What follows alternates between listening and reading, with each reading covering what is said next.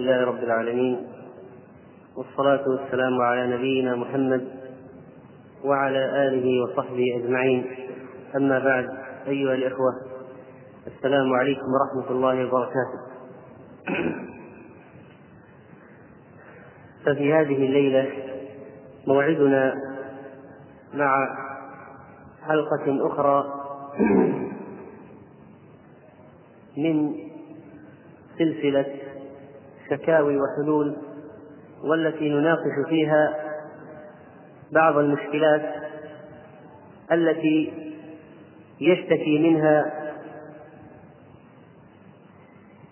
بعض الإخوة ونسأل الله سبحانه وتعالى أن يعيننا ويوفقنا للإجابة والتسديد فيها.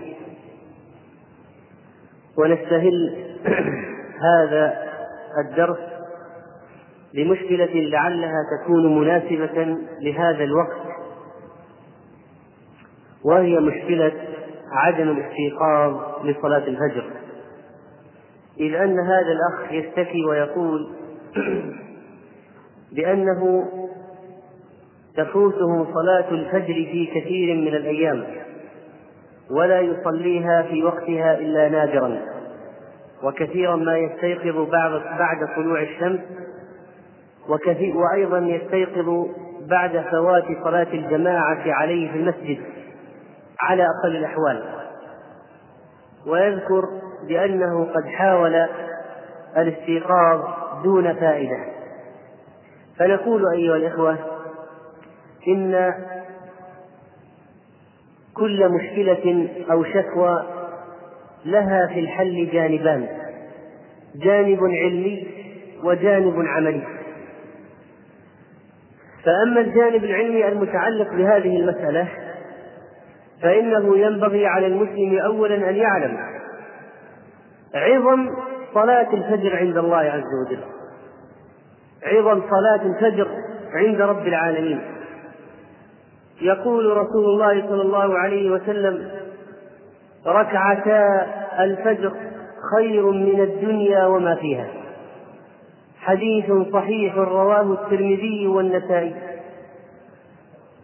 وقال صلى الله عليه وسلم من صلى الفجر في جماعة كان كان كقيام ليلة. من صلى الفجر في جماعة كان كقيام ليلة.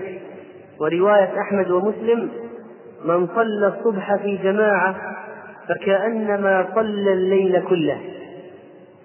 وقال عليه الصلاة والسلام في الحديث الذي رواه أحمد والبخاري ومسلم قال أثقل الصلاة على المنافقين صلاة العشاء أثقل الصلاة على المنافقين صلاة العشاء وصلاة الفجر ولو يعلمون ما فيهما لأتوهما ولو حبوا. وقال صلى الله عليه وسلم من صلى الفجر فهو في ذمة الله. فلا يطلبنكم الله بشيء من ذمته. وقال في الحديث الصحيح الآخر من صلى الفجر فهو في ذمة الله وحسابه على الله. وقال عليه الصلاة والسلام يتعاقبون فيكم ملائكة بالليل وملائكة بالنهار ويجتمعون في صلاة الفجر وصلاة العصر. ثم يعرج الذين باتوا فيكم فيسألهم يعني ربهم وهو أعلم بهم. كيف تركتم عبادي؟ فيقولون تركناهم وهم يصلون وأتيناهم وهم يصلون. وقال عليه الصلاة والسلام في الحديث الصحيح أفضل الصلوات عند الله صلاة الصبح أفضل الصلوات عند الله صلاة الصبح يوم الجمعة في جماعة. أفضل الصلوات عند الله صلاة الصبح يوم الجمعة في جماعة. رواه البيهقي وغيره وهو في كتاب صحيح الجامع. هذا من جهة عظم مكانة هذه الصلاة عند رب العالمين. من صلى البردين دخل الجنة. منهما صلاة الفجر. هذا أولا يعلم المسلم ما لصلاة الفجر عند الله من المكانة وما فيها من الأجر والثواب عند رب العالمين. وثانيا من الجوانب العلمية أن يعلم خطورة تفويت صلاة الفجر. فمن ذلك الحديث الصحيح المتقدم. أثقل الصلاة على المنافقين صلاة العشاء. أثقل الصلاة على المنافقين صلاة العشاء وصلاة الفجر. وفي الحديث الصحيح الذي يرويه البزار والطبراني وابن خزيمة عن ابن عمر رضي الله عنه عنهما قال كنا إذا فقدنا الرجل في الفجر والعشاء أسأنا به الظن. كنا إذا فقدنا الرجل في الفجر والعشاء أسأنا به الظن. لماذا يسيئون به الظن؟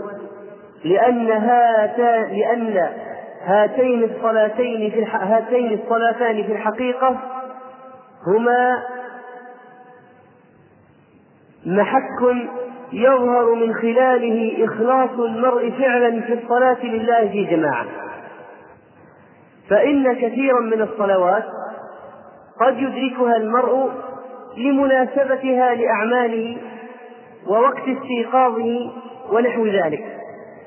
ولكن أن يواظب على صلاة الفجر فإنها والله علامة حقيقية على صدق إيمانه.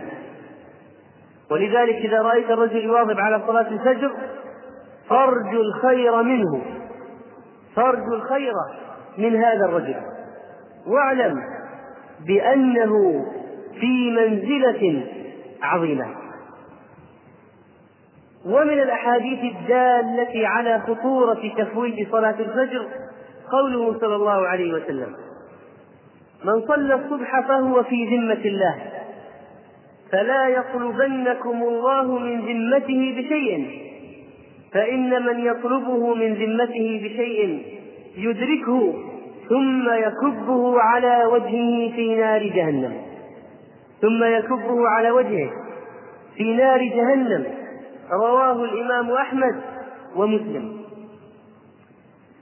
ولذلك إذا علم العبد قدر الصلاة وخطورة فواتها عليه صار عنده واعظ واعظ داخلي للمحافظة على هذه الصلاة. وكذلك عندما يتأمل في الأجر في مثل حديثه صلى الله عليه وسلم ولو يعلمون ما فيهما لأتوهما ولو حبوا زحفا على الركب لإدراك صلاة الفجر. وأما بالنسبة للجانب العملي فإن هناك خطوات كثيرة يمكن للمسلم إذا اتبعها أن يزداد اعتيادا ومواظبة على صلاة الفجر. فمن ذلك التبكير في النوم. فمن ذلك التبكير في النوم. في الحديث الصحيح أنه صلى الله عليه وسلم كان يكره النوم قبل صلاة العشاء والحديث بعدها. النوم قبل صلاة العشاء منهي عنه. لا ينبغي لمسلم أبدا أن ينام قبل صلاة العشاء. وغالب الذين ينامون قبل صلاة العشاء تجد أن بقية ليلتهم في كدر وخمول وشيء يشبه المرض.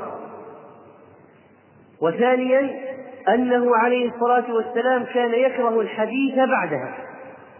ما معنى يكره الحديث بعدها؟ أنه كان ينام ليتفرغ لما هو مقبل عليه من قيام الليل وصلاة الفجر. ولذلك فإن أهل العلم قد بينوا سبب كراهية الحديث بعد صلاة العشاء. فقالوا لأنه يؤدي إلى السهر.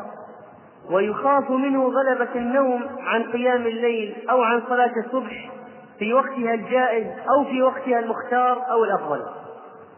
والمكروه من الحديث كما يقول الإمام النووي رحمه الله بعد صلاة العشاء مكروه من الحديث بعد صلاة العشاء هو ما كانت الأمور التي لا مصلحة فيها. أما ما فيه مصلحة وخير فلا كراهة فيه كمدارسة العلم لأن بعض أهل العلم كانوا يقومون الليل في طلب العلم. وحكايات الصالحين يعني معرفة سيرهم ومحادثة الضيف إذا نزل بك طارئ ضيف طارئ لا بد من الثمر معه. والعروس وكذلك الزوجة للتأنيث ومحادثة الرجل أهل أهله وأولاده للملاطفة والحاجة ومحادثة المسافرين. بحفظ متاعهم أو أنفسهم إلى آخر كلامه رحمه الله. فكيف لو عرف الإمام النووي رحمه الله على أي شيء يسهر الناس في هذه الأيام؟ فإن هذا السهر على معصية الله عز وجل ضار جدا بالمسلم. ونحن نقول صحيح أن صحيح أن الناس يتفاوتون في حاجتهم إلى النوم. فبعض الناس يمكن أن ينام مدة خمس ساعات مثلا ويستيقظ لصلاة الفجر. وبعضهم لا تكفيه أبدا. فلا بد أن ينام مثلا سبع ساعات أو ثمان حتى يستيقظ لصلاة الفجر. ولذلك ليس هناك ساعات محددة يجب أن تفرض على الناس لكي يناموا بها. أو نقول له أنت لا يجوز أن تتأخر بعد الساعة العاشرة أو الحادية عشرة. الناس يتفاوتون فكل من علم من نفسه كل من علم من نفسه أنه إذا تأخر عن الساعة الفلانية لا يستيقظ لصلاة الفجر فإنه لا يجوز له شرعا أن يتأخر عن النوم في تلك الساعة. كل من علم أنه لا يقوم لصلاة الفجر إذا تأخر نومه بعد الساعة الفلانية فإنه لا يجوز له شرعا. أن يتأخر عن النوم بعد تلك الساعة ولا بد له أن ينام في تلك الساعة أو قبلها حتى يدرك صلاة الفجر. وذكرنا أن الناس يتفاوتون في هذا الأمر. ثم أن ذكر الله سبحانه وتعالى عند النوم وذكر أذكار النوم من الأسباب المعينة على القيام لصلاة الفجر. ثم صدق النية عند النوم. فإن بعض الناس يقول عندما ينام ليت الساعة ما تشتغل. أو عسى أن يسحب بي النوم فأرتاح مثلا. فهذا في نيته فساد قد لا يمكنه من القيام لصلاة الفجر مطلقا. فإذا ما كان عند المسلم عزيمة ونية صادقة في القيام لصلاة الفجر ويتمنى من قلبه أن يقوم لصلاة الفجر. فإنه قد لا يفلح مطلقا في القيام لتلك الصلاة وهو بهذه النفسية التي يتمنى أن لا يزعجه أحد للصلاة. وكذلك فإن ذكر الله سبحانه وتعالى عند الاستيقاظ مباشرة من الأسباب المعينة للقيام لصلاة الفجر. فإن بعض الناس قد يستيقظ بمبدأ أمره ثم يعاود النوم مرة أخرى. فإذا ذكر الله أول ما يستيقظ وقام فتوضأ انحلت عقد الشيطان عنه كلها وأصبح طيب النفس نشيطا مهيئا لأداء صلاة الفجر. رابعا لا بد من التواصي مع الصالحين والأهل للقيام لصلاة الفجر. وهذا داخل ولا شك في قوله عز وجل وتعاونوا على البر والتقوى وتعاونوا. وداخل ولا شك في قوله عز وجل والعصر إن الإنسان لفي خسر. إلا الذين آمنوا وعملوا الصالحات وتواصوا بالحق وتواصوا بالصبر. ولا شك أن هذا من التواصي بالحق والصبر. ولذلك فإنه لا بد للمسلم أن يوصي أهله زوجته مثلا بأن توقظه لصلاة الفجر ويؤكد عليها ويشدد ويقول مهما وجدتني نائما أو مهما وجدتني متعبا فأيقظيني ولا تأخذك بي رحمة أو رأفة فتقولي هذا متعب فلينم ولكن أيقظيني بكل ما تستطيعين من قوة لأقوم لصلاة الفجر. وكذلك أولاده إذا كانوا صالح إذا كانوا صالحين فإنهم من أعظم الأسباب لقيام صلاة الفجر. والأب كذلك يوقظ أولاده لأداء هذه الصلاة في وقتها ولا يقول عندهم اختبارات دعهم ينامون مساكين. الرحمة بهم إقامة أمر الصلاة فيهم. وأمر أهلك بالصلاة واصطبر عليها. لا نسألك رزقا نحن نرزقك. وكذلك لا بد من التواصي مع الإخوان الصالحين. وخصوصا مثل طلبة الجامعات الذين يسكنون في غرف فلا أهل بجانبهم إلا إخوانهم الصالحين الذين يوقظونهم لصلاة الفجر. أو الجيران الطيبين على وجه العموم في المجتمع الذين يوقظون صلاة الفجر قل له إذا قمت فأيقظني. وجارك إذا قام يدق عليك الباب وجرس البيت ليوقظك لصلاة الفجر.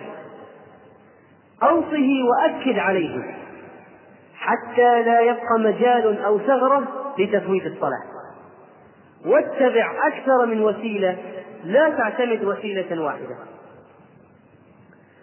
وكذلك سادسا الدعاء لله سبحانه وتعالى بأن يوفقك لأداء صلاة الفجر مع الجماعة. فإن الدعاء من أكبر أسباب النجاح.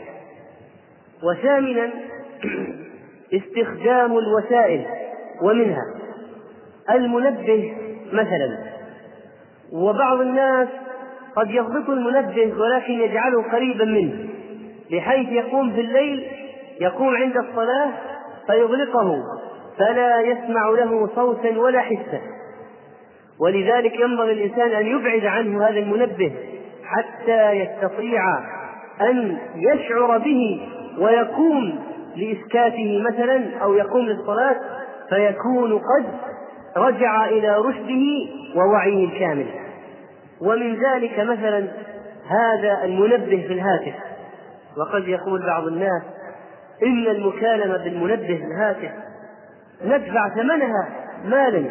فأقول إن إدراك صلاة الفجر لا يعدل من الأموال مهما أنفقت ولذلك إذا علمت أنك لا تستيقظ إلا بهذه الطريقة فتكون هذه النفقة من أعظم النفقات في سبيل الله. وكذلك من الأسباب نضح الماء ورشه على الوجه.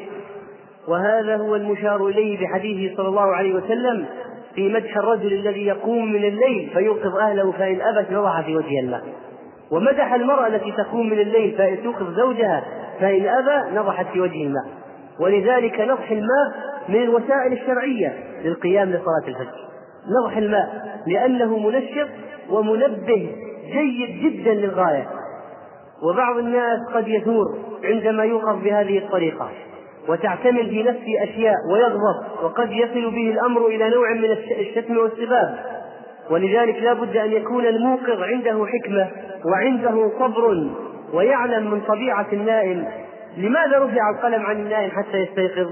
لمثل هذه الأشياء التي تحدث بغير وعيه ولذلك فإن على المتطوعين للإيقاظ للصلاة أن ينتبهوا أنه قد يحدث له عند إيقاظ أخيه المسلم نوع من الأذى من الكلام أو الضرب غير غير المقصود غير المقصود.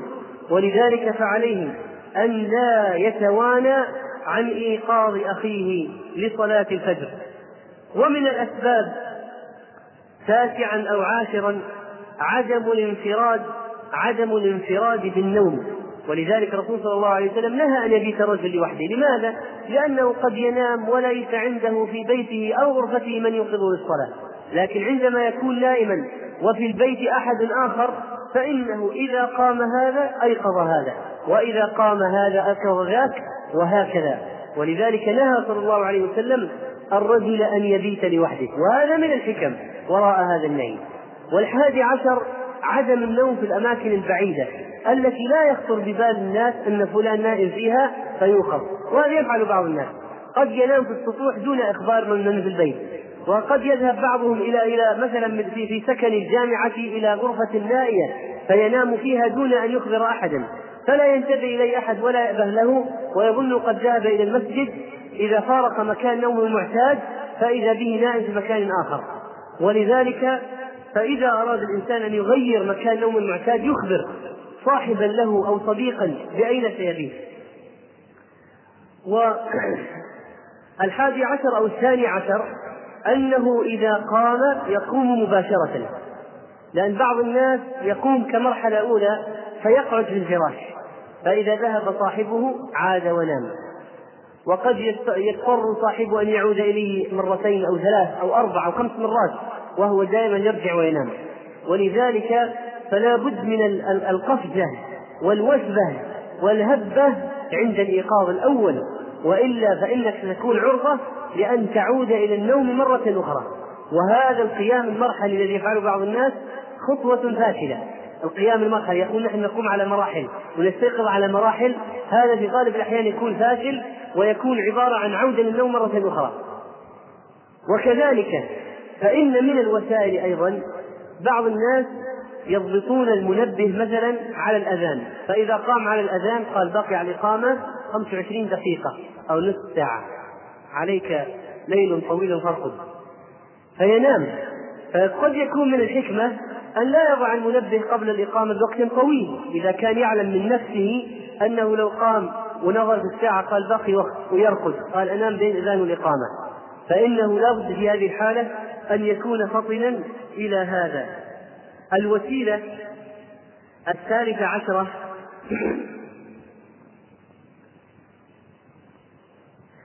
إيقاد إيقاد السراج عند الاستيقاظ.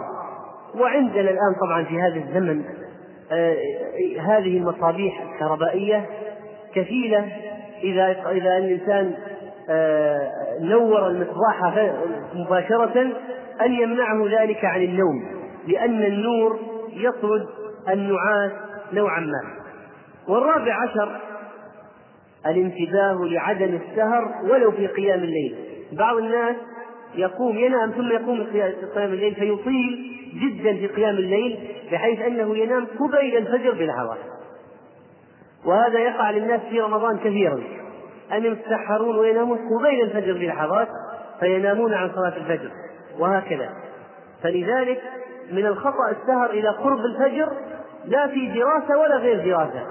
صلاة الفجر مقدمة على جميع الأشياء ولا حتى في قيام الليل. إذا علمت أن سهرك في قيام الليل سيفوت عليك صلاة الفجر فما هي الفائدة من الاشتغال بالنافلة وتضييع الفريضة؟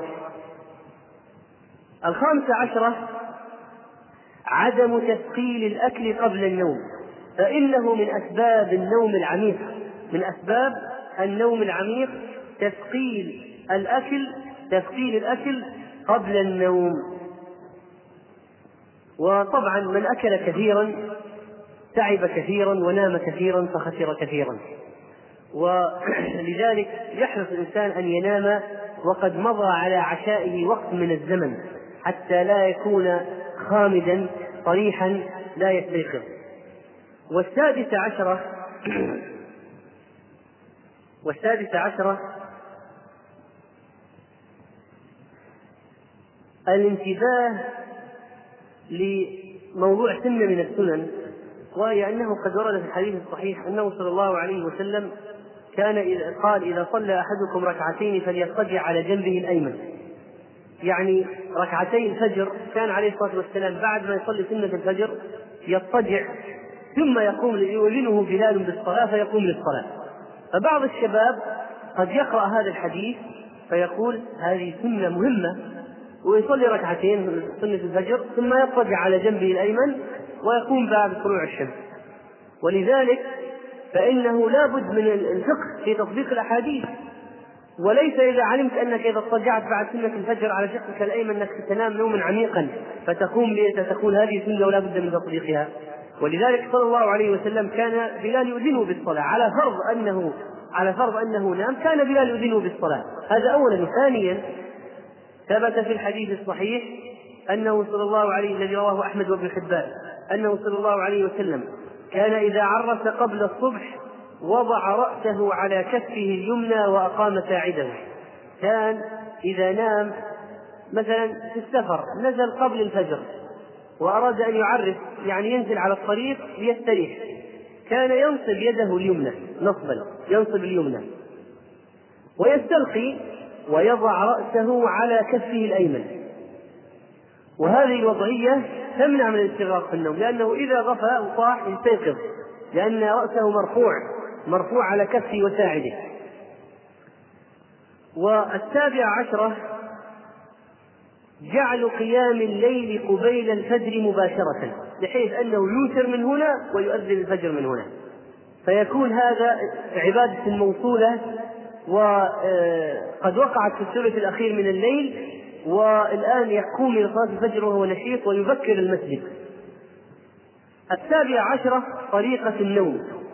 فإن الإنسان لو نام على جنبه الأيمن كما هي السنة ووضع كفه الأيمن تحت كفه تحت خده الأيمن فإن هذه وضعية النوم تكون أسهل وأيسر في الاستيقاظ بخلاف ما لو نام في وضعيات أخرى فإنه يكون أصعب في الاستيقاظ.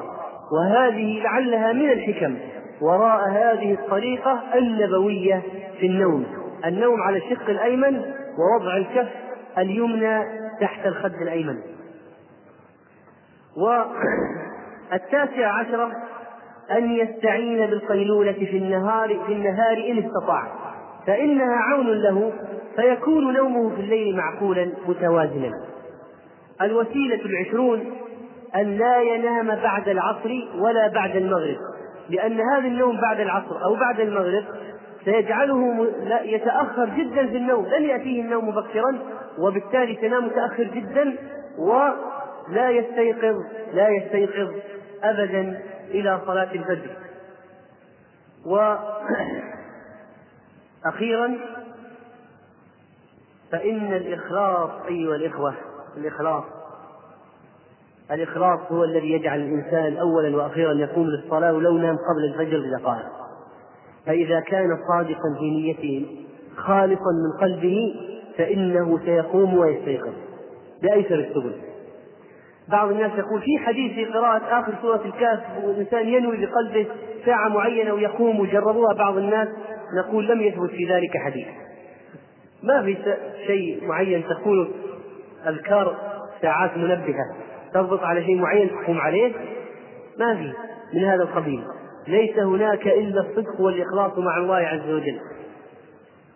ولقد خبرت أيها الإخوة بعض الناس من هؤلاء المخلصين قد جعلوا وسائل عجيبة تدل فعلا على اجتهادهم وحرصهم على صلاة الفجر. فكان أحدهم يجعل عدة منبهات. مثلا الإقامة الساعة أربعة ونصف مثلا يضبط منبه الساعة الرابعة. منبه الساعة الرابعة والعشر دقائق منبه الساعة الرابعة والثلث حتى إذا أطفأ هذا يدق هذا وإذا أطفأ هذا يدق هذا. وبعضهم كان يضع المنبه في قدر والله يضعه في قدر في قدر ويغطيه ويجعله في صندوق من الكرتون ويجعل ويضعه فوق الخزانة. حتى يتضاعف الصوت فيقوم. يكون الصوت شديدا. وإذا قام لا سبيل إلى إطفاء المنبه إلا بأن يضع كرسيا ويقوم على ظهر الخزانة. لينزل ويفتح الصندوق ويخرج القدر هل يطفئ المنبه فيكون قد استيقظ ويكون قد نشط في هذه الحالة. وأذكر واحدا ونحن في المرحلة الثانوية من الدراسة كان ثقيلا في النوم جدا. فكان يربط خيطا حبلا في يده وينام بجانب النافذة نافذة البيت في الدور الأول أو الثاني وهذا الحبل إلى الشارع. فيأتي إخوانه في طريقهم إلى أخا له في طريق صلاة الفجر فيجذب هذا الحبل بقوة حتى يستيقظ لصلاة الفجر. المهم لو وجد الإخلاص لقام الناس ولكن نظرا لضعف الإيمان وقلة الإخلاص فإن الناس ينامون وترى عدد المصلين في صلاة الفجر قليلا جدا بالمقارنة إلى عدد الساكنين في الحي حول المسجد. شيء مؤسف جدا فعلا. بعض الناس قد يكون عنده مرض ثقل النوم قد يكون مرض شديد قد يعذر به فهذا يلجأ إلى الأطباء. وقد كان بعض الصحابة من هذا النوع مثل صفوان بن معطل السلمي رضي الله عنه. كان يعني مسألة عنده شيء, شيء نوم ثقيل جدا قد يكون فعلا خارج عن إرادة الإنسان. ولكن المسألة أولا وأخيرا كما ذكرنا لكم هي الإخلاص.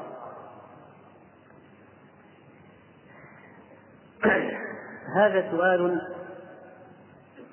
ورد عن الشروط الجزائية في العقود مع المقاولين. بعض الناس يضع عقدا مع المقاول في بناء بيت بحيث يقول له في الاتفاق بالعقد إذا تأخرت أسبوع مثلا فكل أسبوع يخصم من كذا ريالا فهل هذا الشرط في العقد جائز أم لا؟ أجابنا عن هذا السؤال سماحة الشيخ عبد العزيز بن باز حفظه الله فقال الذي أفتينا به أنها لازمة وأنها شروط اتفق عليها الطرفين وأن ما فيها شيء منكر شرعا والمسلمون عند شروطهم فما دام أنه اتفق هو والمقاول على هذا فإنه فإن هذا الشرط لازم وليس به بأس وسألته حفظه الله عن مسألة تقع في الأعراس سأل عنها بعض الإخوان يقول تأتي بطاقات الدعوة إلى العرس مثلا الوليمة وليمة العرس فصاحبها الذي وجهت له لا يذهب فيعطيها لشخص آخر. يقول اذهب أنت. فهل يجوز للشخص الآخر أن يذهب ببطاقة صاحبه أم لا؟ بطاقة الدعوة التي لصاحبه. فأجاب الشيخ حفظه الله قال إن كانت هذه الوليمة جفلة ما هي الجفلة؟ الدعوة العامة المفتوحة غير مخصصة بناس معينين. يقول يا أيها الناس كل الناس لو جاءوا لو شاء أن يأتوا لأتوا الدعوة غير غير مخصصة بناس معينين موجهة إليهم بطاقات دعوة لا مفتوحة. فعند ذلك لا بأس أن أن أن أن أن, أن يذهب من يذهب. لكن إذا كانت هذه البطاقات مخصوصة لأشخاص معينين فهو يأخذها على أنه فلان وهو ليس بفلان فيقول هذا الشيخ حفظه الله هذا كذب ولا يجوز أن يذهب في هذه الحالة. وهذا سؤال أيضا ورد عن عمال يعملون في بعض الشركات مدة ثمان ساعات متواصلة. وأحيانا تكون هذه الساعات ليلية بحيث لا يرجع لبيته إلا وهو في غاية النعس ويعلم أنه إذا نام فلن يستيقظ لصلاة الظهر إلا بعد العصر. فهل يجوز له أن يجمع الظهر والعصر أم لا؟ فقال الشيخ حفظه الله لا ينام حتى يصلي. ويجاهد نفسه حتى يصلي. ولو لم يستطع لا يفتح الباب للناس في هذا المجال. فلا بد من المواظبة على الصلاة في وقتها. وهذه مسألة تعني كثيرا لعمال الشركات عندنا هنا. فإنه يحدث لهم بسبب دوامهم في الليل أو بعض المؤسسات دوامهم في الليل. أي أو أو في في أوقات معينة مثلا من الساعة الثانية إلى الساعة الثامنة مثلا قد يحدث لهم شيء من هذا القبيل. ففي هذه الحالة لا يجوز أن ينام ويجمع الظهر مع العصر فيما بعد. لا لابد وتكون صلاة الظهر هنا مهمة جدا بالنسبة لبعض هؤلاء الناس في الاستيقاظ لها والحرص عليها. وهذا سؤال آخر يقول لو سافر بزوجة من زوجاته واحد يذهب ذاهب إلى جدة. أهل زوجته الثانية في جدة وأهل زوجته الأولى في الرياض وهو ذاهب إلى جدة. فأخذ معه الزوجة التي أهلها في جدة. فهل يشترط أن يقسم للزوجة الأولى نفس عدد الأيام التي سافر بها مع زوجته التي أهلها في جدة أم لا؟ فأجاب الشيخ حفظه الله إذا كان برضا الأولى فلا يجب عليه أن يقسم إذا سافرت الثانية التي أهلها في جدة إلى جدة معه برضا الأولى فلا بأس. أو بالقرعة كما هي السنة لأن السنة كان عليه الصلاة والسلام إذا أراد أن يسافر أقرع بين نسائه فالتي تخرج يخرج سهمها خرج بها معه في سفره. فإذا كان القرعة أتت على التي أهلها في جدة فذهب بها إلى هناك فلا يجب أن يقسم للأولى وأما إذا كان لم تسمح وكانت القرعة ولم يقر يقرع فلو ذهب بواحدة إلى أهل المكان الذي فيه أهله فلا بد إذا عاد أن يقسم للأولى مثل الأيام التي سافر بها مع الثانية. وهذه قضية أخرى من القضايا. بعض الدعاة الله عز وجل يشتكون من مسألة وهي يقولون نحن ندعو الناس إلى الله عز وجل. ونخالط العامة عامة الناس. فيهم الكبير والصغير والمثقف والعامي وغيرهم. فما هي التصورات الإسلامية التي يجب أن نزرعها في قلوب هؤلاء الناس؟ بعض الدعاة قد يجلس مع الناس ساعات وأيام وشهور وسنين ولكن ما عنده إلا أشياء بسيطة جدا. مثلا يقول صلي في المسجد أطلق اللحية لا تستمع إلى الموسيقى وهكذا. أشياء معينة يركز عليها. فما هي التصورات المهمة والمفهومات المهمة التي يجب أن ينقلها إلى عامة الناس ونحن ندعوهم إلى الله عز وجل؟ فنقول هناك مفاهيم أساسية وضرورية جدا. فمن هذه مثلا مفهوم الإيمان وأنه قول وعمل والأدلة على هذا الأمر وسيرة الرسول صلى الله عليه وسلم والصحابة التي اختارت هذا الأمر وشرح الآيات والأحاديث التي تدل على هذا لأن الناس ينبغي أن يبين لهم يا جماعة أن النية الطيبة وحدها لا تكفي. وهذا المفهوم الذي هو استقر عند العام بعض العامة مفهوم المرجئة للإيمان أن الإيمان هو في القلب فقط يقولونه دائما يقولون الإيمان في القلب. وأنت لا تدري عما في قلوبنا وأنت لا شققت عن قلوبنا وكفى لوما لنا ونصحا لنا وأنت لا تدري وضعنا وحالتنا مع الله وما في قلوبنا ما شققت عن قلوبنا. فينبغي على الإنسان المسلم أن يشرح مفهوم الإيمان للناس يبين لهم الإيمان قول وعمل. يبين لهم أن التصديق وحده لا يكفي. ويبين لهم أن هذا كلام المبتدعة المضلين الذين يقولون أن الإيمان هو التصديق بالقلب فقط. هذا مفهوم جدا. المفهوم الثاني مفهوم العبادة الشامل. بعض الناس يظنون أن العبادة هي في المسجد فقط وأن عبارة عن شعائر معينة. فينبغي أن نبين للناس مثلا أن العبادة هي اسم جامع لكل ما يحبه الله ويرضاه من الأقوال والأفعال الظاهرة والباطنة. وكل شيء نويت به وجه الله عز وجل فهو عبادة. فلا بد من توسيع معنى العبادة على شكله الصحيح وتقريره وتوضيحه والتدليل عليه.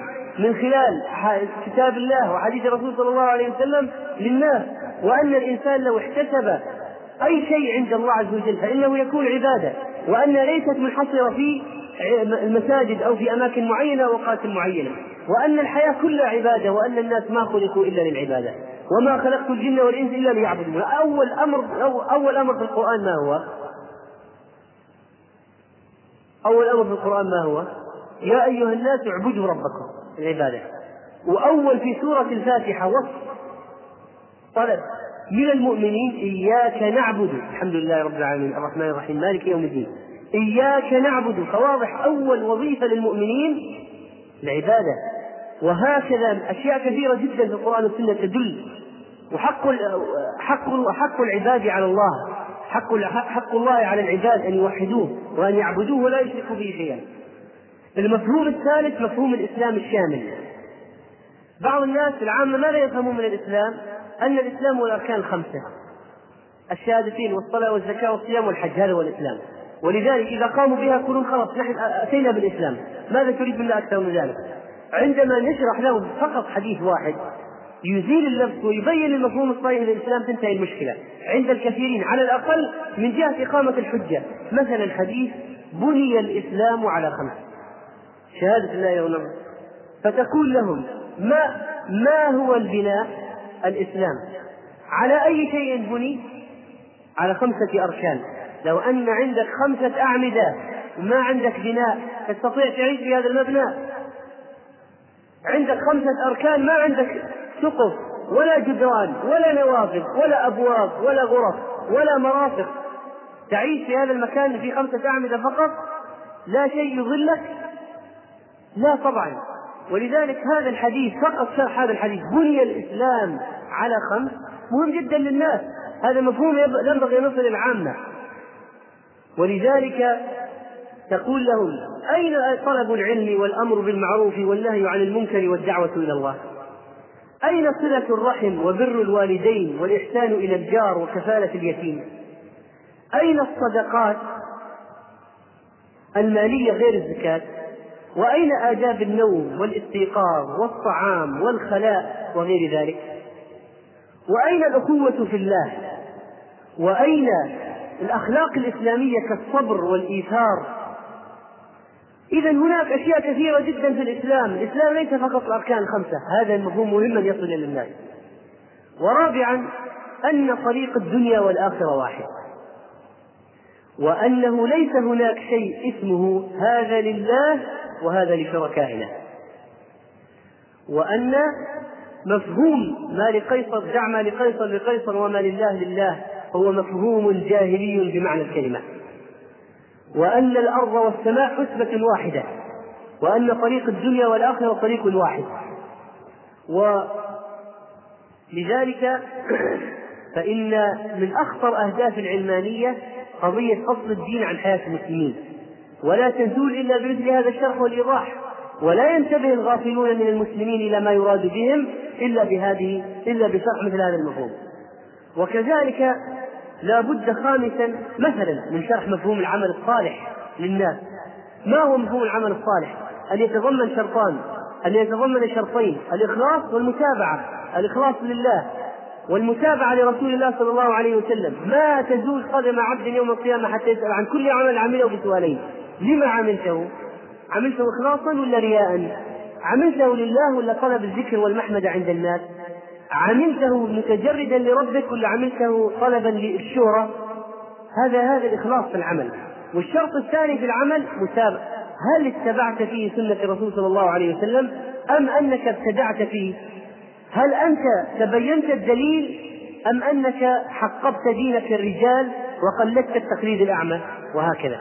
هل أنت تقول أنا أفعل هذا العمل لأنه قد ورد أنه عليه الصلاة والسلام فعله كذا في الحديث الصحيح أم لأنك تقول وجدنا آباءنا على أمة وإنا على آثار مقتدون ومهتدون؟ ولذلك هذا مفهوم العمل الصالح من المفاهيم المهمة جدا. سادسا مفهوم آخر التلقي للتنفيذ. كثير من الناس عندهم علم بأشياء كثيرة بآيات من القرآن وأحاديث من السنة. وكلام لأهل العلم ومواعظ وكتب وأشرطة. وين التطبيق؟ ما في. فمن المفاهيم المهمة جدا اقتضاء العلم العمل. مبدأ التلقي للتنفيذ وكيف كان الصحابة يفعلون ذلك. وكيف كان أحدهم ينطق بالشهادتين الآن ثم ينطلق ليغير واقعه كله بيته وأهله وعشيرته وقومه ويعلن الولاء والبراء صريحا بين الناس ويقوم ويعلن الدعوة ومبادئ الدعوة. كان الناس ينفذون فورا. كل شيء يغير لابد أن يحتاج إلى تغيير لابد أن يغير. فإذا مفهوم التلقي للتنفيذ هذا أيضا من المفاهيم المهمة جدا.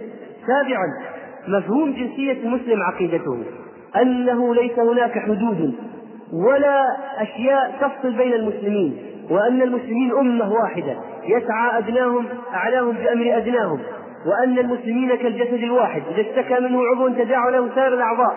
وأنه لا فرق بين المسلم البنغلاديشي والهندي والصيني وبين المسلم المغربي والأسباني واللي في أسبانيا واللي في أمريكا وأوروبا أو في جزيرة العرب وأنهم كلهم يد واحدة وأنه لا بد من السعي في نصحهم وتجميع الجهود والتكاتف والتبصير وإرسال الدعاة وكتب العلم إلى جميع أنحاء العالم الإسلامي. وأننا لو عرفنا أن أن بعض المسلمين في مكان من الأرض يحتاجون إلى غوث فلا بد أن نمد لهم يد المساعدة وأن ندعو لإخواننا بظهر الغيب وأن نتصل معهم وإذا لقيناهم بالحج سألناهم عن أخبارهم وأخبار بلدانهم وما هي إمكانياتنا التي نستطيع أن نقدمها لهم؟ فإذا ليس الإسلام إقليميات ضيقة ولا بلدان محددة بل إن كل ذلك من صناع الكفرة في بلاد المسلمين ليفرقوا بينهم ويفسدوا آه، ويفسدوا فيما فيما بينهم من الأمور. ويجعل ويجعل بعضهم في نحور بعض. ولذلك فمن المؤسف جدا أن يعاني بعض المسلمين في مكان من الأرض من همجية الكفار ومن اعتداء الكفار عليهم وهم تحت نير العذاب. وبعض إخوان المسلمين يأكلون الرز واللحم ولا يدرون ماذا يحدث لإخوانهم أصلا. لا يدرون. وإذا دروا ليس فيهم شيء يتحرك. ولا جذوة إيمان تتخذ ولا حماس لأي عمل من الأعمال. ويقول خلهم مشانهم ماذا علينا منهم؟ يحلوا مشاكلهم أنفسهم. هذا هذا الدين هذا هذا من الدين وهذا من الإسلام ومن الشريعة. وهذا يؤدي إلى زوال الفوارق والطبقيات وأنه ليس هناك أحد إلا أكرمكم عند الله يتقاكم. لا فضل لعربي على عجمي إلا بالتقوى. ومن المفاهيم كذلك وجوب العمل لهذا الدين. والتقديم جميع الطاقات لهذا الدين والتضحية لهذا هذا يخلي الناس تتحرك. هذا يخلي الناس تتقدم. هذا ينفض غبار النوم والكسل وهذا يشعر الناس بتقصيرهم وأنه لا بد من تقديم المزيد والمزيد في هذا الدين. وخصوصا عندما نقارن حالنا بحال الصحابة. مفهوم آخر من يسأل الناس؟ من هم المراجع العلمية الشرعية للناس؟ من هم العلماء؟ من هم أهل الذكر؟ ما هي صفتهم؟ كثير من الناس يأخذون بأقوال بعض المشايخ الذين يظهرون في مختلف الوسائل أو الذين لهم كلمة منشورة مسموعة وقد يكون هؤلاء من أسفه الناس وأسفههم قد يكون هؤلاء الناس الذين يطنطن حولهم ويدندن حولهم ويبرزون وتقام حولهم الهالات هم ناس لا يفقهون من دين الله إلا قليلا. فيبرزون على أنهم قدوات وعلى أنهم العلماء وليس لهم من العلم نصيب إلا شيء يضلون به الناس. ولذلك إذا ما عرف الناس إلى من يتجهون ما هي صفات أهل العلم العلماء الحقيقيون؟ من هم أهل الذكر حقيقة؟ توضيح للناس توضيح الناس من هم أهل الذكر. إرشادهم من العلماء وإعطاؤهم عناوين العلماء وأرقام هواتف العلماء وتشجيعهم على الاتصال بالعلماء وإرسال رسائل العلماء وتوكيل الناس يسألون العلماء بجميع الوسائل حتى يكون الناس مراجع علمية شرعية مستقيمة. وليس انهم يضطربون يتخبطون في هؤلاء الذين يخصون لهم الرخص ويعطونهم الدين آه، بكل راحة وطمأنينة وسهولة ويعطونهم سكوك غفران على كثير من الذنوب التي هي التي هي معاصي في دين الله عز وجل. يقول ما فيها شيء. وقد افتى بعضهم بتحليله وأنه وكذا ويضيع الناس بسبب هؤلاء الجهال. إن أخوف ما خافوا على أمتي الأئمة المضلين. وهؤلاء أيها الإخوة كثروا جدا في هذه الساعة. كثروا جدا صاروا مثل الهم على قلب المسلم الصادق. وهو يرى هؤلاء الناس وهم يتكلمون أصلا من علامات الساعة أن ينطق الرويبضه من هو؟ الرجل التافه يتكلم في أمر عامة الناس من فضلك تقلب الشريط. كثروا جدا صاروا مثل الهم على قلب المسلم الصادق. وهو يرى هؤلاء الناس وهم يتكلمون أصلا من علامات الساعة أن ينطق الرويبضه من هو؟ الرجل التافه يتكلم في أمر عامه الناس حقير. تافه يتكلم في أمر عامه الناس واحد مخبط لا تربى على منهج أهل السنة والجماعة ولا عرف دين الله ولا أخذ العلم من المراجع الموثوقة وهو يتتبع الرخص يبحث عنها ويفتي الناس بها وهذا الناس وهو يظهر أمام الناس بقبضه وقضيضه ويلعلع بلسانه ويهاجم ويقول من يتحداني وأنا وأنا وأنا أتحدى أن يكون كذا وان كل الذين يقولون هذا ما عندهم شيء من العلم وهو في الحقيقة هو المخطئ وهو الضال يضل الناس. وهذا الدور ينبغي أن يكون به شباب الإسلام الآن في تعرية هذه إسقاط هذه الأقنعة الزائفة وتعرية هؤلاء بين الناس كيف الناس يعرفون يا أخي؟ الناس العامة كيف يعرف أن فلان عالم ولا ليس بعالم إذا أنت لم تخبره بذلك. وإذا أنت لم تبصره بالأشخاص الحقيقيين. دعونا من قضية السلب والشتم والسب. لكن قضية إرشاد الناس إلى الأشخاص الذين هم أهل للسؤال حقيقة. هذه مهمتي ومهمتك ومهمته هو. هذا من صلب الدين. إرشاد الناس ودلالتهم. وإذا رأيته يأخذ بفتاوي بعض الساقطين تحذر ويأخذ. تقول له من الذي يقوى وراء هذا الشخص؟ إلا العلمانيين العلمانيون وإلا أهل البدع وأهل أهل الذين يريدون يريدون إبعاد الناس عن دينهم. هم الذين يروجون لهذه الأشياء. هذه وظيفتنا. هذا من واجب ملقى على عواتقنا. والحمد لله هناك علماء مخلصون يمكن أن يعرفهم الناس يتجهون إليهم. موجودين في الواقع ولله الحمد والمنة.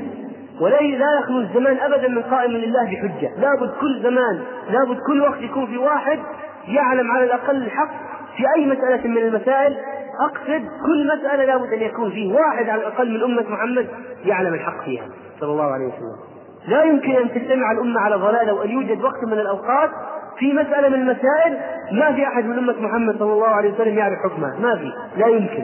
هذا من قواعد الشريعة. ولذلك أيها الإخوة بهذه المناسبة فإنني أحذركم من كثير من الشخصيات التي لم تتربى على منهج أهل السنة والجماعة والتي عندها انحرافات كثيرة وهي تتغلغل وينتشر نفوذها بين الناس وخصوصا العامة الذين ما عندهم وعي ولا عندهم علم. كيف؟ أنه يطرح رأيه بقوة ويسفه الآراء الأخرى. ويقول مثلا مثلا على سبيل المثال كذا الحق في هذه المسألة وكل الأخوان الأخرى بدعة. وأنا مستعد أن أناظر وأن أناقش وأن أفحم وأن أتحدى من يقول بخلاف قولي. فيظن الناس المساكين أنه محق. ويظنون أنه لما صار جريء وصار قوي في الطرح أن عنده الحق. مع أنه ما عنده الحق وهناك كثير من الشخصيات التي بدأت تتسلل الآن حتى مع الأسف إلى بعض مواقع الشباب. وهم ينادون بعقيدة عقلية ويصرحون بتقديم العقل على النقل ويصرحون بعدم الأخذ بأحاديث الآحاد ويصرحون برد الحديث الصحيح إذا إذا خالف عقولهم السخيفة ويصرحون بأحكام تخالف ما أجمعت عليه الأمة وفقهاء المسلمين الثقات. ويصرحون بإنكار القدر ومراتب بعض مراتب القدر. فإذا لا بد أن أن يكون هناك من المسلمين من ممن يعي هذه الأمور يدرك حقائق وأبعاد القضايا. هذه فتن فتن. ينبغي أن يكون فيها مخرج مسلم. ينبغي أن يكون يعايش واقع يكون على مستوى على مستوى المسؤولية في هذه الأمور. بالإضافة إلى هذه المفاهيم في هناك رسالة صغيرة للشيخ عبد العزيز باز حفظه الله. بعنوان الدروس المهمة لعامة الأمة أذكر لكم مختصرها يقول الشيخ عبد العزيز يعني في الأشياء التي تعلم الناس من أمور الشرع الدرس الأول في سورة الفاتحة وما أمكن من قصار السور من سورة الزلزلة إلى الناس تلقينا وتصحيحا وتحفيظا وشرحا لما يجب فهمه. الدرس الثاني معنى شهادة أن لا إله إلا الله وأن محمدا رسول الله وشروط شهادة لا إله إلا الله ومحمد رسول الله.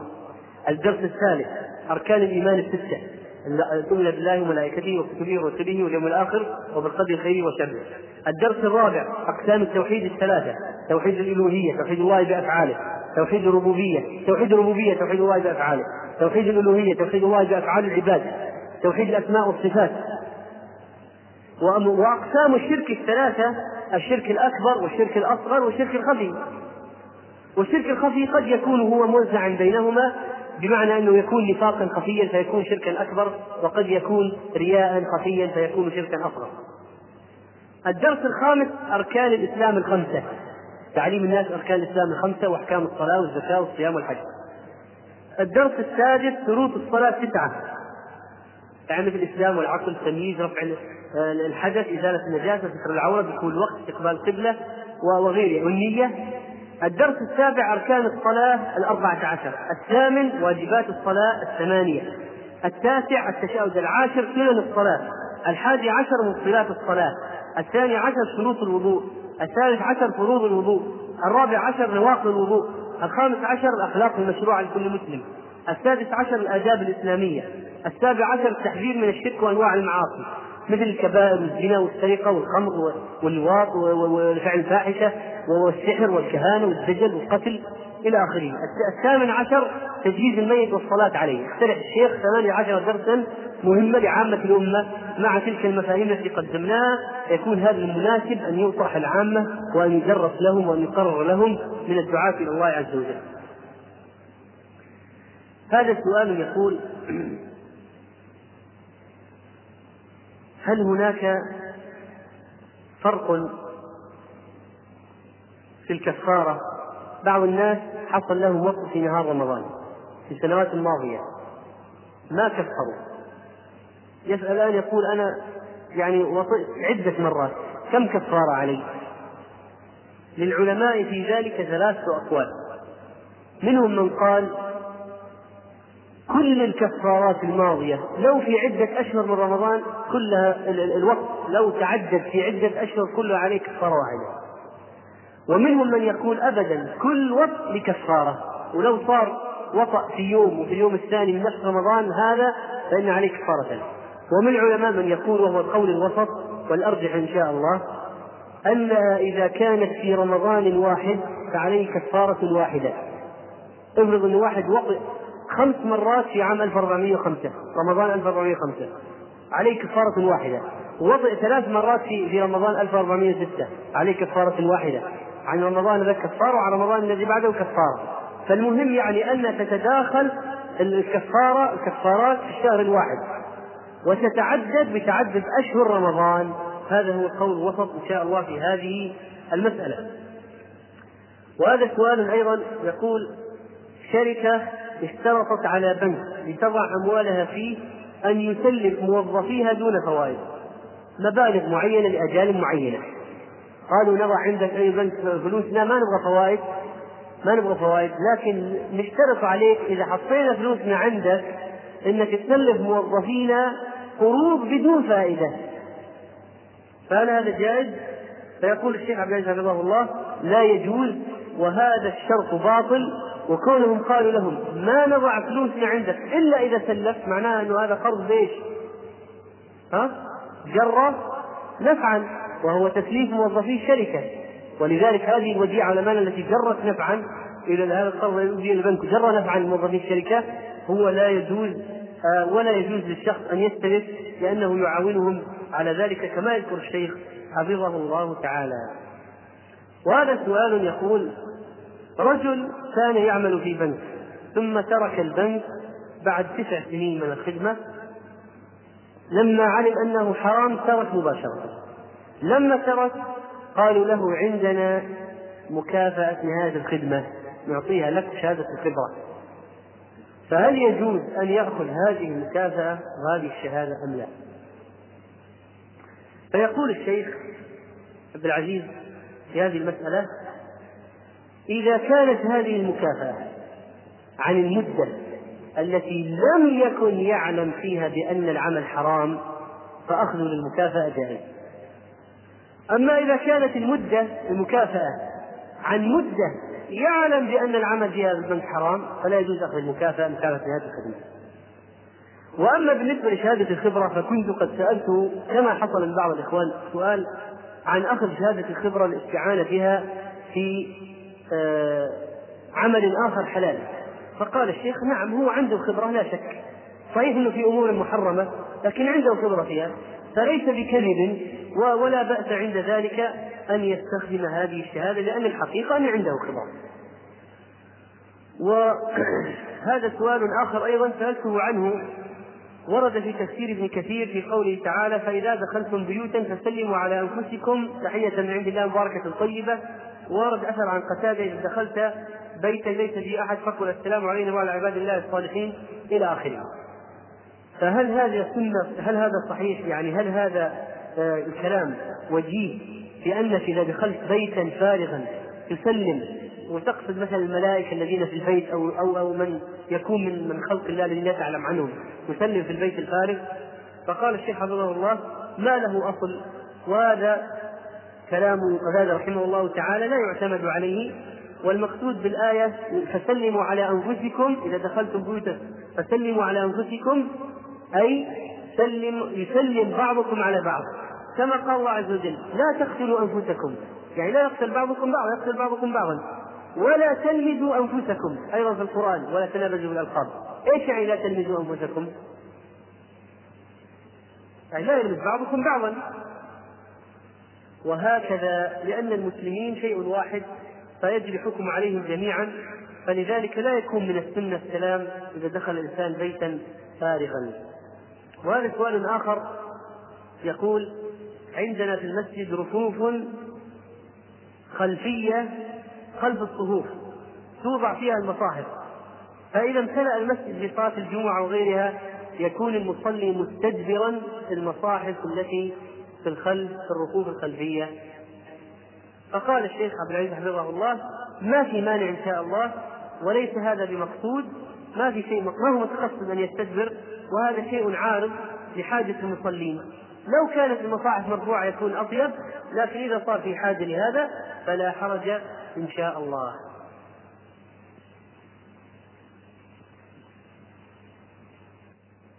وهذه مشكلة أخرى وشكوى وهي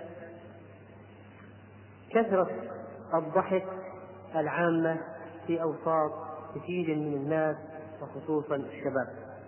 حتى بعض المستقيمين هذا الأخ يقول إنه يشتكي من أن المجالس التي يجلس فيها مع إخوانه وزملائه يكثر فيها الضحك كثرة كبيرة. وهو لا يدري يعني ما هو الحل والعلاج لهذه القضية. وأن تتفشى وتنتشر. فنقول كما ذكرنا سابقا فإن كل مشكلة لها جانبان من العلاج جانب علمي وجانب عملي. فأما الجانب العلمي في علاج هذه المشكلة فأن تعلم أولا أن تعلم أولا كيف كان هديه صلى الله عليه وسلم في الضحك وأن تعلم ثانيا خطورة كثرة الضحك. فأما بالنسبة للجانب الأول فقد ورد في الحديث الصحيح أنه صلى الله عليه وسلم كان لا يضحك إلا تبسما. والأمر الثاني كان صلى الله حديث آخر كان صلى الله عليه وسلم طويل الصمت قليل الضحك وكان يقول الصحابي ما رأيته مستجمعا ضاحكا قط ولا رأيته ضحك حتى بدت لهواته.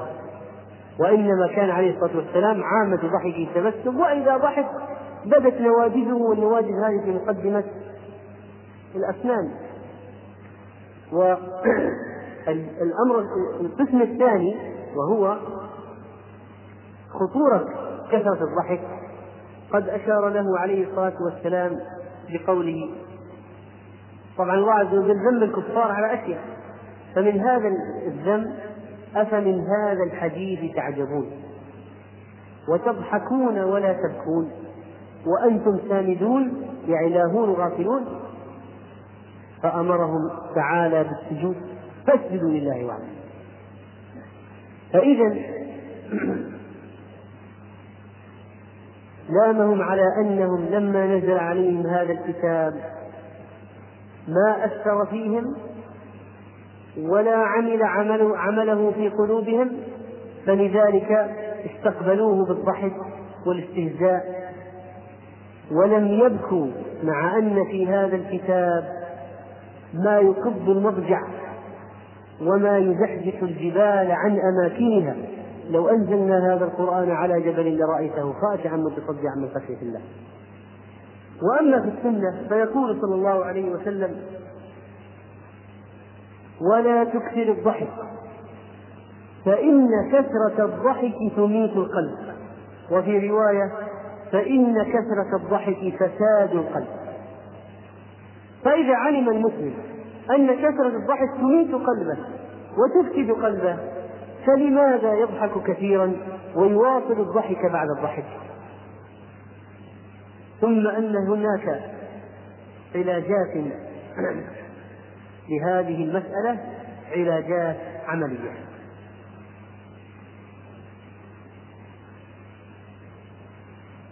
أولا عندما يعلم الإنسان يقرأ يقرأ يقرأ ويطلع في أمور اليوم الآخر سيجد أن تذكر يوم المعاد والموت والقبر والحساب والصراط والنار ومواقف الآخرة الشديدة على الإنسان سيجد أنها فعلا تدعو للجدية وللخشوع ولعدم الإكثار من الضحك. ولنعلم أيها الإخوة أن الضحك ليس أمرا محرما أبدا وأنه لا بد منه في بعض المواقف. وليس من المطلوب للإنسان أن يكون عبوسا ولا أن يكون خشنا ولا أن يكون مكتهب الوجه والضحك طبيعي شيء وضعه الله هو الذي أضحك وأبكى خلقه في نفوس العباد. لكن نحن الآن نتكلم عن مشكلة الاسترسال فيه مشكلة القهقه مشكلة أنه يدوم في المجلس الواحد كثيرا ولا تنتهي ضحكة إلا وتتبع بضحكات أخرى إلى آخر المجلس حتى يكون عامة المجلس ضحك كم من مجالس ذكر قد خربت؟ بهذا الضحك. وكم من نفوس جادة قد فسدت؟ بالاكثار من هذا الضحك. والمشكلة أيها الإخوة أن الناس يحاكي بعضهم بعضا. بعض الناس إذا شاف واحد يضحك الناس حدا حلوة. قال خليني أضحك الناس أكسبهم أكسبهم. اكسبهم بالضحك الناس عمرهم كسبوا بالضحك. تهريج يعني التهريج يكسب الناس ما يكسب الناس. إيش الذي يكسبك ما الذي يكسبك في الناس؟ أنهم يأتون إليك ويجلسون معك ليضحكوا فقط. لا ليستفيدوا ولا ليتعلموا ولا ليقتدوا ولا ليتأثروا أبدا وإنما نضحك فقط. أذكر لكم قصة. واحد شاب كان مهموما بنتائجه المتخلفة في الدراسة وأوضاعه مع أهله وغير, وغير ذلك من الهموم التي كانت تركب رأسه وتملأ نفسه فخرج وهو مهمول من غرفته قال يمشي في الطريق من بيته فصادفه أخ له قال له إلى أين أنت ذاهب الآن؟ إيش في؟ قال أنا مهموم ومغموم وعندي قال وين وأين تذهب الآن؟ قال أريد أن أذهب إلى فلان الفلاني قالوا ليش؟ قال عشان يضحكني فهو إذا يريد أن يذهب همه هذا بأي شيء؟ بأن يذهب إلى فلان يذهب إلى فلان ليضحكه. أو يوسع صدره كما يقولون. والقضية أيها الإخوة أن الصدر إذا ضاق لا يتسع بالضحك. الضحك هذا مثل إبرة المخدر بالنسبة للشخص المهموم. تعطيه إبرة مخدر لكن إذا خلص من المخدر رجع إليه همه وغمه أكثر مما كان لذلك الضحك ليس وسيلة للتنفيس وليس وسيلة لإزالة الهموم أبدا أبدا. وإنما هو عبارة عن يعني آه، آه، كما ذكرنا إبرة المخدرة تنسيه همومه شيئا ما. ولكن لا تحل له المشكلة. المشكلة لا تحل بالضحك صحيح أن الأحاديث الطريفة على الشخص المضغوط عليه صحيح أنها تسليه نوعا ما وأن الشخص المحزون من شيء إذا أتي له بشيء طريف يسليه هذا شيء لا بأس به. لكن أن تكون القضية جيب لي مهرج يهرج علي لكي أنسى آلامي وهمومي أبدا ليس بعلاج الدليل أنه صلى الله عليه وسلم كان إذا حزبه أمر صلى. رواه أحمد. وكان صلى الله عليه وسلم إذا كربه أمر قال يا حي يا قيوم برحمتك أستغيث. رواه الترمذي وهو حديث حسن وفي الحديث الصحيح الآخر كان إذا نزل به هم أو غم قال يا حي يا قيوم برحمتك أستغيث. الله الله ربي لا أشرك به شيئا. فإذا هذه هي الأدعية هذه الأذكار التي تنفس الهم فعلا دعاء الهم والغم معروف. اللهم إني عبدك وابن عبدك وابن أمتك إلى آخر الحديث. هذا الذي ينفس وليس قضية الضحك التي تنفس والعلاجات كما ذكرنا علاجات علمية كما ذكرنا مثل وعلاجات تفكرية تدبرية مثل قضية تذكر يوم المعاد اليوم الآخر وما يحدث فيه من الأهوال.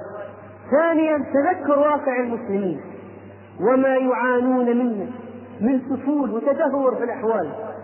وفي ابتعادهم عن الدين وفي تخلفهم وفي الإيذاء الذي يتعرضون له.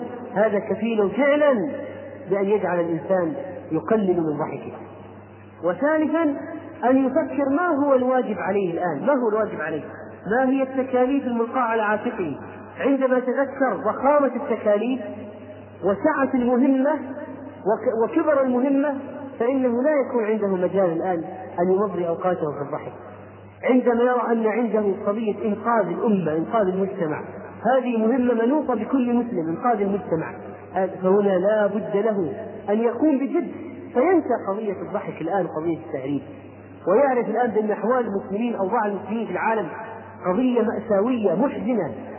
مصائب. فيحتاج أن يعمل ويجتهد لإنقاذ نفسه وإنقاذ أهله وأصدقائه وزملائه وأهل مجتمعه الذي يعيش فيه وإذا استطاع أن يقدم أشياء أخرى للمسلمين.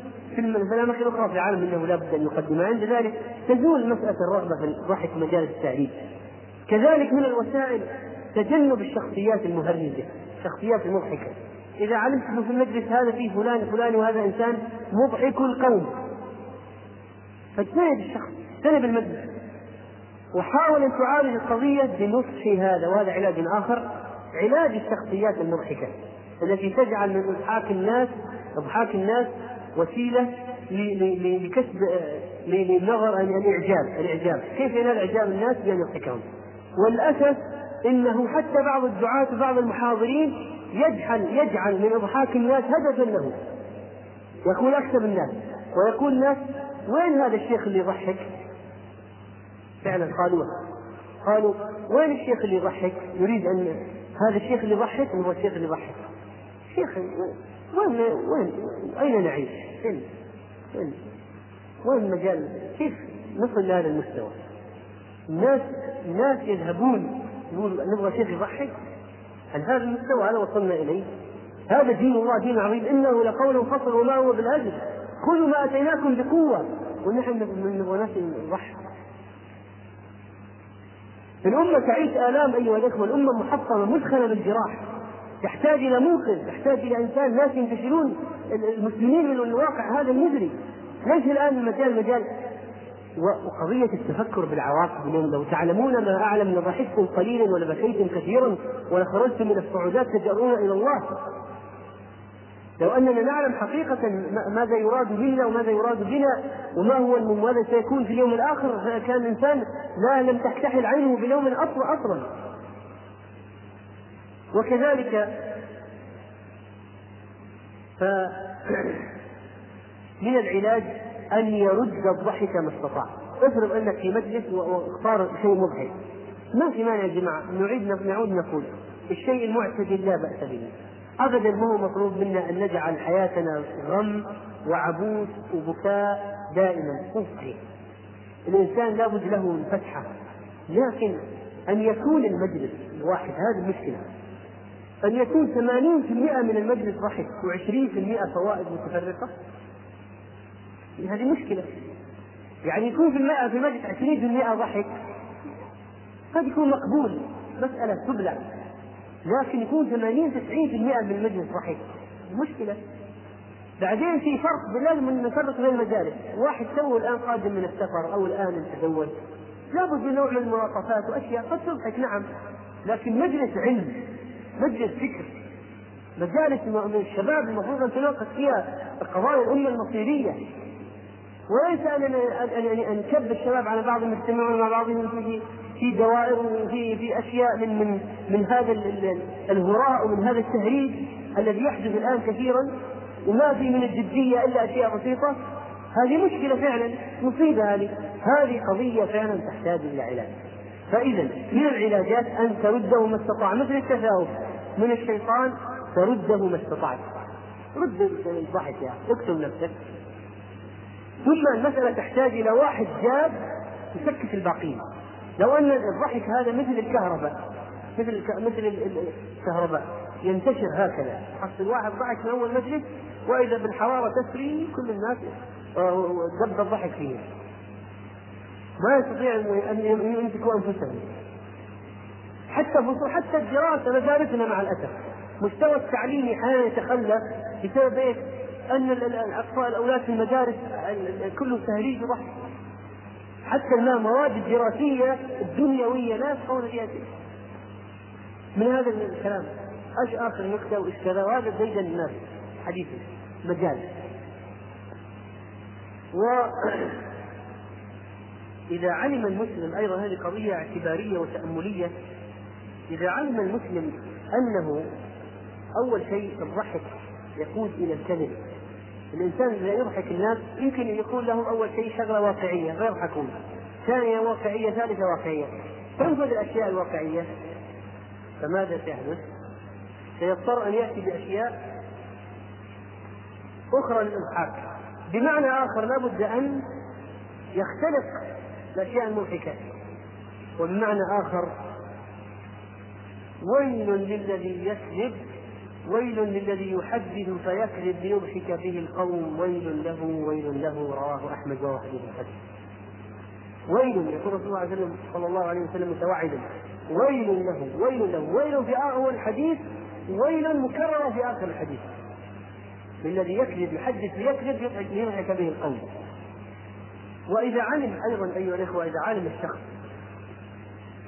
أن الضحك إذا هو يضحك الناس إذا علم أن شخصيته ستصبح مهزوزة وأنه سيصبح بين الناس مثل الخرقة يعني ما له وزن ما له قيمة صحيح أنه عندما يضحكون منه هذه مسألة فيها نوع من إعطائه اعتبار وقيمة أنهم ضحكوا من كلامه يعني كلامه يضحك معناه استطاع أن يضحكهم معناه أثبت براعته وقدرته لكن في الحقيقة يسألهم بعدما يتفرقون فلان هذا ما هي منزلته فيكم؟ ماذا سيقولون؟ عنده قدر منزلة؟ ما عنده قدر ولا عنده منزلة. أبدا. ولا شيخ هذا مهرج هذا نعزمه في العزيمة يضحكنا. هذا بس بعد العشاء على أساس يضحكنا يعني نجيبه هذا نعزم. فلان. هي صحيح. وهكذا. فإذا عرف بأن هذه هذا يؤدي إلى الرعونة وعدم احترام الآخرين له نتوقف عن الضحك فعلا. وهناك قصص حدثت عندما علم واحد من الناس واحد شاب من الشباب أن فلان سيذهب إليه لكي يضحكه. يعني اتعظ منها فعلا. و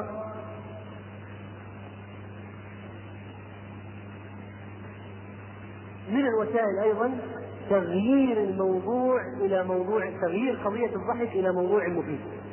فيقول الإنسان يا جماعة لا يعني لابد نضع حد لهذا الضحك. هاتوا كتابا نقرأ فيه. هاتوا شيئا نسمعه نستفيد منه. هاتوا مقترحات لنجعلها لنجعلها ندوة مفتوحة يلقي فيها كل واحد برأيه في موضوع معين دعونا نناقش مشكلة من المشكلات الموجودة الآن في الساحة. فإذا إيجاد البدائل إيجاد المواضيع المفيدة في المجالس قلب القضية الآن ينضحك إلى شيء جاد. هذه من وسائل محاربة الضحك. وفي النهاية آخر الدواء الكي. إذا ما في فائدة فارق المجلس. قم من المجلس خلاص. ما دام الناس لن يرتاح فارق المجلس هذا السؤال يقول مسافر أراد أن يصلي العصر خلف مقيم يصلي الظهر فهل يقصر أم لا؟ طبعا نحن علمنا سابقا لو أن الإنسان المسافر دخل مع مقيم إمام مقيم يصلي الظهر المسافر دخل وراء المقيم والمقيم يصلي الظهر أربع المسافر كم يجب يصلي على الظهر وراء المقيم؟ ها؟ نعم أربع كاملة لابد مرة السنة أن يتم المسافر خلف المقيم طيب لو دخل معه وراءه بصلاة أخرى الإمام يصلي العصر وهذا المسافر يصلي الظهر فهل يجب عليه أن يتم أيضا أم لا؟ الجواب نعم يجب عليه أن يتم ذلك لأن السنة كما يقول شيخنا حفظه الله دلت على أن المسافر إذا صلى خلف المقيم يتم. وما ما في تفريق بين صلاة وأخرى. ما دام تم بمقيم فإنه يتم. وهذا سؤال عجيب. يقول رجل دخل المسجد فوجد حليقا يؤم ملتحيا دخل المسجد حصل واحد حليق اللحية إمام وواحد ملتحي بجانبه مأموم فقال كيف يكون هذا؟ نعم. فماذا فعل؟ قدم الملتحي وسحب الحليق فوضعه بجانبه صار الآن الإمام جنب الشخص الجديد اللي داخل وصار المأموم هذا سابقا صار الآن إمام جديد. فهل هذا الفعل صحيح أم لا؟ يقول شيخنا حفظه الله إذا لم يعترضوا على هذا فصلاتهم صحيحة. ويجوز ذلك انتقال الإمام مأموم المأموم إمام. من ناحية أصل المسألة يجوز أن ينتقل الإمام مأموم الأموم مأموم إمام كما حدث في قصة الرسول صلى الله عليه وسلم مع أبي بكر الصديق لكن السؤال هو هل يشرع الفعل هذا؟ يعني الآن عرفنا أن الصلاة صحيحة لكن هل يشرع أن يفعل هذا؟ يقول الشيخ عبد العزيز لا لا يفعل هذا وهذا فيه تعدي هذا فيه تعدي على الإمام وليس بطيب وصلاة الفاسق صحيحة مع الكراهة ولكن لأنها قد تؤدي إلى فتنة وإحداث يعني إفساد بين المسلمين فلا يصلح أن يفعل هذا الفعل. لكن أصلا المفروض أن يؤم المتبع السنة الذي يطبق السنة هو المفروض أن يؤم. لكن لو حدث وصلى واحد ليس له لحية. نجر نجره ما يصلح. سؤال. أيضا الشيخ هل يشترط في بيع السيارة واحد اشترى سيارة وأراد أن يبيعها. هل يشترط أن ينقل الملكية بمعنى هو تغيير تغيير الاستمارة إلى اسمه؟ المعروف الآن تغيير الاستمارة. هل يجوز له أن يشتري ويبيع دون أن ينقل الملكية بالاستمارة أم لا؟ فيقول الشيخ حفظه الله أفتت اللجنة دائما الإفتاء بأنه يجب عليه إذا أراد أن يبيع السيارة أن ينقل ملكيته إليه أولا. وتصبح الاستمارة باسمه ثم يبيع السيارة. لماذا؟ قال لأن العرف الآن جرى بأن نقل الملكية وتثبت الاستمارة باسمه من تمام إجراءات البيع وتمام إجراءات التملك. تمام إجراءات التملك. ولذلك لا بد أن تتكامل وأن طبعا الناس قد يفعلوها تهربا من الضريبة. لكن الحقيقة أننا لا ننظر الآن إلى هذه المسألة. الآن ننظر إلى المسألة الأخرى وهي قضية إتمام إجراءات الملكية لكي تبيع. لأن الرسول صلى الله عليه وسلم قال لا تبع ما ليس عندك لا تبع لا, لا نهى أن يبيع رجل ما لا يملك. فإذا إذا كنت تريد أن تبيع لابد تكمل نقل الملكية ثم بعد ذلك تبيع. وهذا السؤال امرأة امرأة عملت لها عملية القيصرية فبعد العملية عملوا لها عملية تنظيف رحم مع الولادة وسحبوا دم شفطوا الدم العملية فصار يأتيها الدم يوم وتنظف يومين في النفاس. يعني يوم يجيها دم يومين ما في ما في دم. فماذا تفعل؟ فقال الشيخ عبد العزيز حفظه الله تصلي وتصوم في اليومين وتفطر في اليوم الآخر. هذا طول وهذا نفاس وهذا طول وهذا نفاس وهكذا. وسؤال آخر ما حكم خروج المعتدة لزيارة ولدها في السجن؟ فقال الشيخ لا حرج هذا من الحاجات الشديدة وسؤال آخر ما حكم صرف عشرين ريال ورق بتسعة عشر ريال معدن؟ لاستعمالها في الاتصال الهاتفي وغيره؟ فقال الشيخ الفتوى الرسمية فتوى اللجنة أن هذا حرام لا يجوز.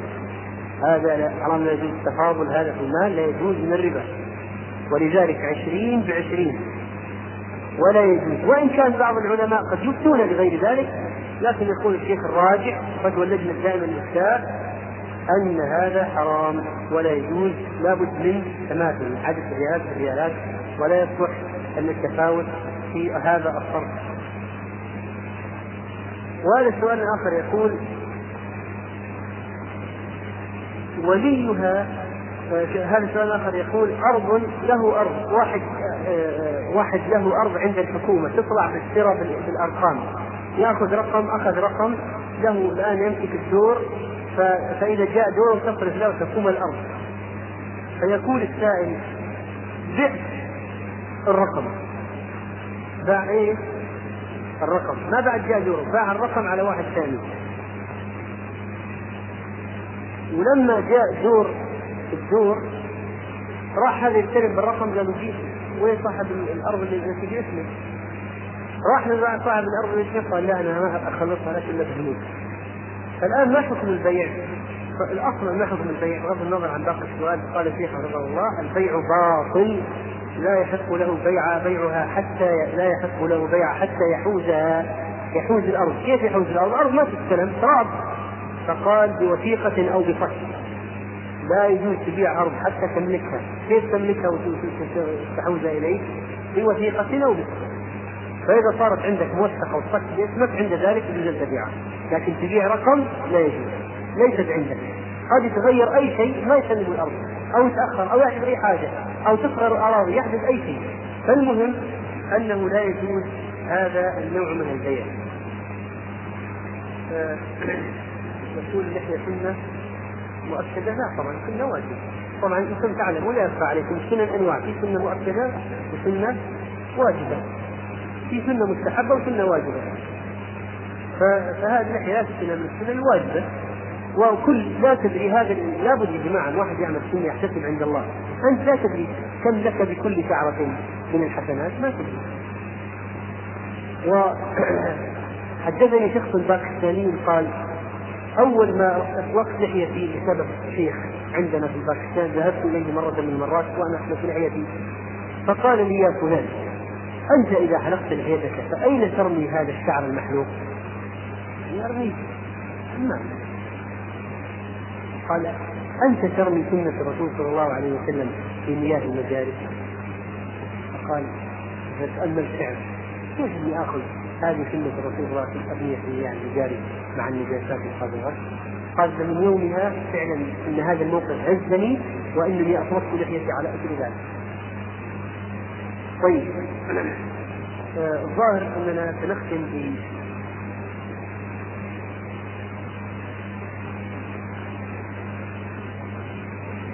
مشكلة كبيرة.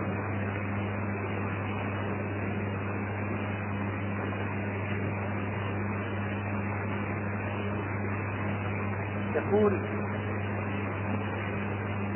آه، كثرت الأشرطة التي كثرت الأشرطة الموجودة في السوق كثرة شديدة جدا. فكيف نتعامل مع الشريك الإسلامي؟ الحقيقة أيها الإخوة أن هذا السؤال مهم جدا. صحيح هذا السؤال واقعي سؤال عصري والسؤال الآن فعلا هذا وقته. هذه المسألة عليها ملاحظات.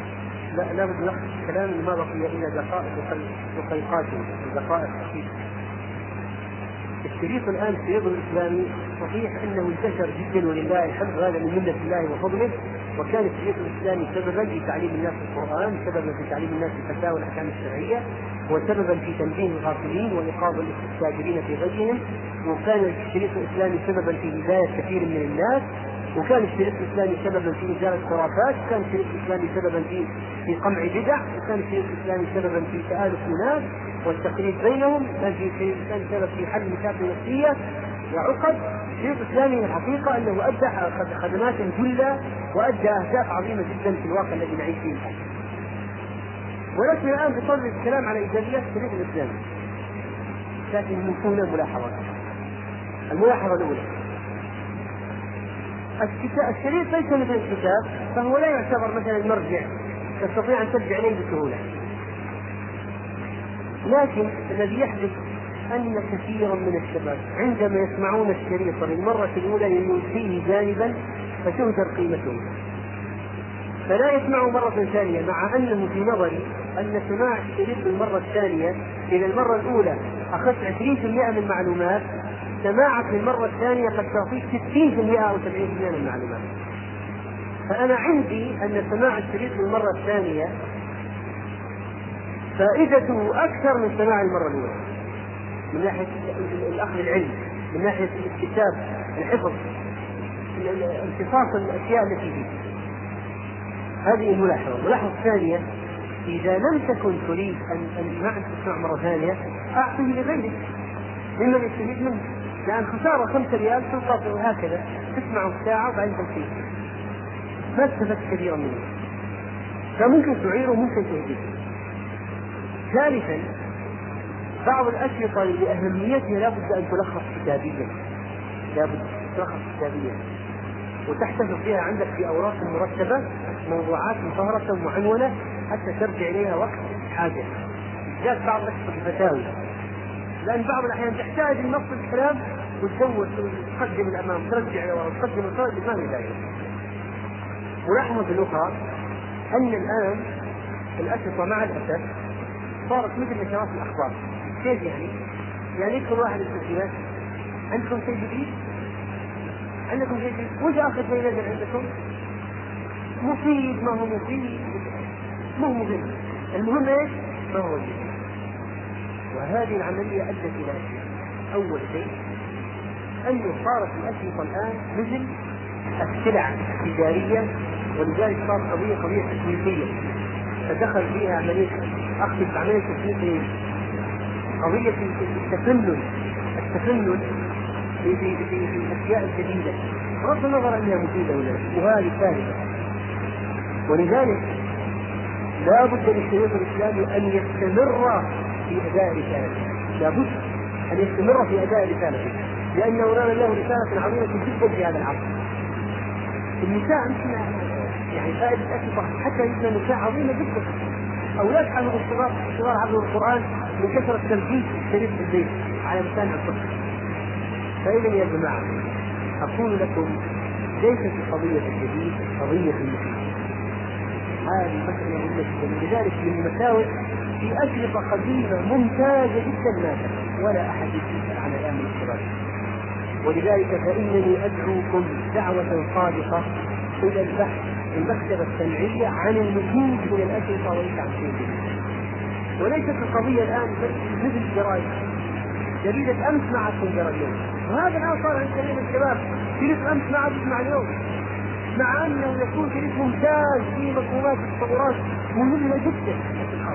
قل فيها على كلمة ولذلك فإني أرضى بنفسي وبإخواني أن يكون بيننا هدفنا تجد جديد وإنما يكون هدفنا ما هو المفيد؟ ما هو المفيد؟ ولو كان شيء قديم ولا حتى حتى لو أن أصحاب التسجيلات يعرفون المفيد القديم في اعلاناتهم هذه. ولا يكون كل شيء وصل حديثا وصل حديثا لأن المسألة يعني فوائد الان الان انتقاص المعلومات مشكلة عند كثير من الشباب الذين يعتمدون على الكتاب ولذلك قضية البحث عن المفيد وسماعه أكثر من مرة. وارجاؤه إلى آخرين. هذه أقول ارضيه من الأشياء التي تحدنا جانب الاشكال الحاصل الآن نحويا عدم انتهاء الحقيقة ونقف هذا الحد. ونسأل الله سبحانه وتعالى أن يرزقنا وإياكم الإخلاص والإستقامة في القول والعمل وحسن النية. وصلى الله على سيدنا محمد السلام عليكم ورحمه الله أيها الأخوة